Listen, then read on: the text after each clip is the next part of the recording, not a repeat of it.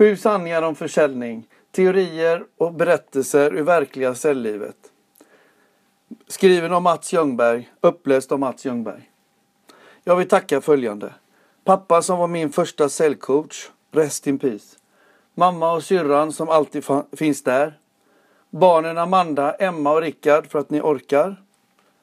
Fru Susanne för att du orkade. Peter Svåger som läste korrekturet och som vanligt hade vettiga åsikter. Bokbon för att jag fick chansen att förverkliga drömmen. Avslutningsvis alla jag har träffat under alla dessa år och kommer att träffa i framtiden. Inledning. Varför läsa denna boken och vad är försäljning? Idag är det den 24 mars 2015 och det passar perfekt att denna bok föds idag. 24 mars 1965 föddes nämligen jag och räknar ni rätt nu fyller jag 50 år idag. Under mer, under mer över 30 år har jag på ett eller annat sätt jobbat professionellt med försäljning. Jag är och har alltid varit stolt över mitt yrke. Att tillsammans med andra människor få diskutera lösningar och sedan förhandla för att avsluta alltihop med en vinna-vinna situation har gett och ger mig fortfarande jättemycket. Att hitta vägar där ekonomi sätts före pris är idag den största utmaningen för de flesta säljare. Boken. Denna bok kommer att handla, behandla lite olika verktyg rent teoretiskt och kopplat till erfarenheter ur arbetslivet. Att skriva om teorier som i detta fall undertecknad inte hade testat och utvärderat känns förmätet samt till och med nedvärderande mot läsaren. Därför har jag kopplat erfarenheter som jag själv upplevt under mitt arbetsliv kombinerat med de teoretiska verktygen jag skriver om.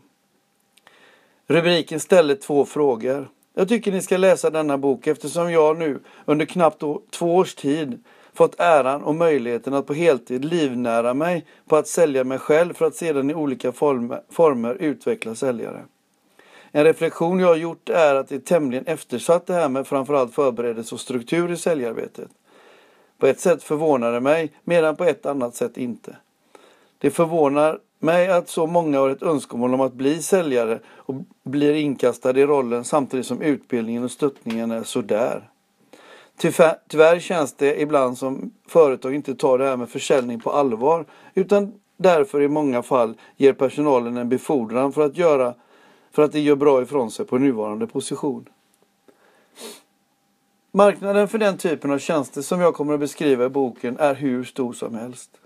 Jobbet, av, jobbet för oss konsulter är att få företag att inse detta.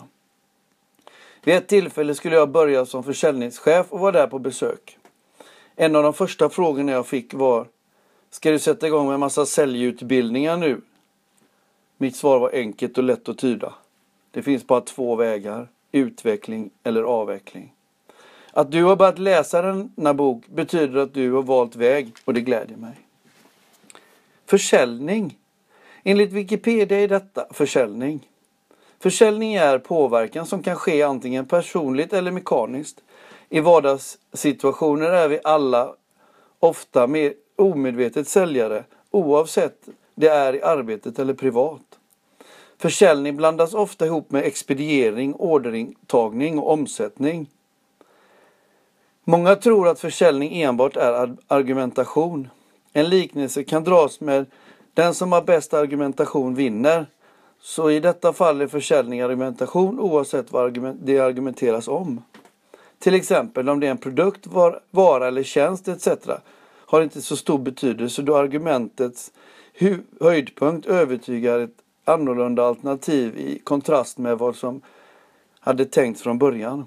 En mer juridisk förklaring om försäljning är försäljning är att få till ett köp där köparen, kunden, mot en avtalad ersättning övertar äganderätten till en vara eller får tillgång till en tjänst från en leverantör. När försäljning genomförs av en målmedveten person kallas denna säljare. Källa Wikipedia. För mig är försäljning detta när vi pratar hårda fakta. Alla intäkter till företaget kommer via försäljning. Det är grunden, men sedan så finns det mycket, så mycket mer. Kärleken är enormt viktig ingrediens. Visst låter det konstigt, men det är det inte. Att ha en positiv framtoning till företag som du representerar och dess erbjudande är en jättebra start för ditt säljarbete. En självklarhet är att du ska älska ditt yrke som säljare. Tänker du efter så finns det kanske få yrken där det finns så många människor som verkligen älskar det de gör. Glädjen och kärleken är kanske inte ett måste, men bra nära. Man kan lära sig detta eller inte. Kan man lära sig detta eller inte? Jag tror det. Om inte kärleken finns så går det alldeles utmärkt med viljan. Potentialplattformen är ett verktyg som jag använder och jag kommer in på detta senare. Extra roligt är det att vi säljare överträffar kundens förväntningar. Merförsäljning är ett sådant exempel. Att erbjuda tillbehör är mer än service än det är att kränga på någon något. Och ofta blir kunderna glada av det. Till exempel när jag och Emma, en av mina döttrar, skulle stå i kaféet i stallet där hon brukade rida. Hennes uppdrag var att varje kund som köpt något att äta skulle få frågan vad de skulle dricka till och tvärtom. Ni kan tänka er vilken merförsäljning det blev och vad glada kunder vi fick som direkt fick som, sådan service istället för att kanske till och med glömma. Det är också därför vi säljare också älskar vårt yrke. Vi gör människor glada. Nu börjar boken.